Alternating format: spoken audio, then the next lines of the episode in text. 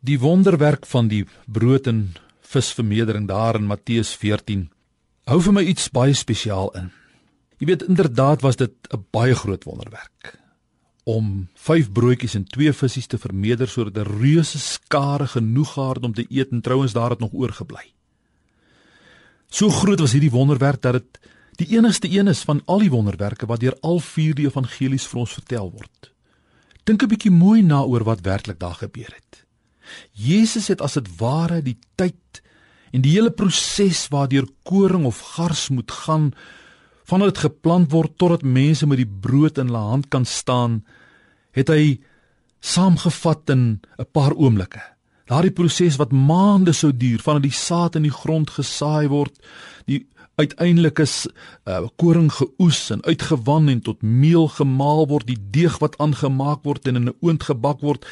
Maande se proses het hy in sekondes saamgevat. Hieruit kan ons leer dat God inderdaad beheer oor die natuur het. Hy het die natuur in sy wette geskep en hy gebruik dit. Maar ons moet nooit vergeet nie, God is ook groter as die natuur. Wanneer hy 'n doel wil bereik, kan hy die wette van die natuur ophef en ook daardeur sy doel bereik. Immers die soortlike gewig van yster is hoër as die van water. Maar wanneer die profeet bid, kan die Here 'n buil op die water laat dryf. Wetenskaplik onmoontlik, maar nie vir die Skepper nie, want hy is groter as die skepping. Ons mag die Here nooit aan sy skepping onderwerp nie. Die wetenskap met sy wette vorm deel van God se skepping. God is vir die wetenskap, maar hy's nie daaraan veronderwerp en gebonde daaraan nie. Hy gebruik die wetenskap, hy werk daardeur, maar hy's veel meer as wetenskap en natuurwette.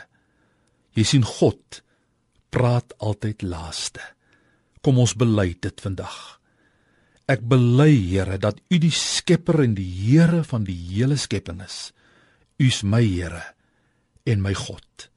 Amen.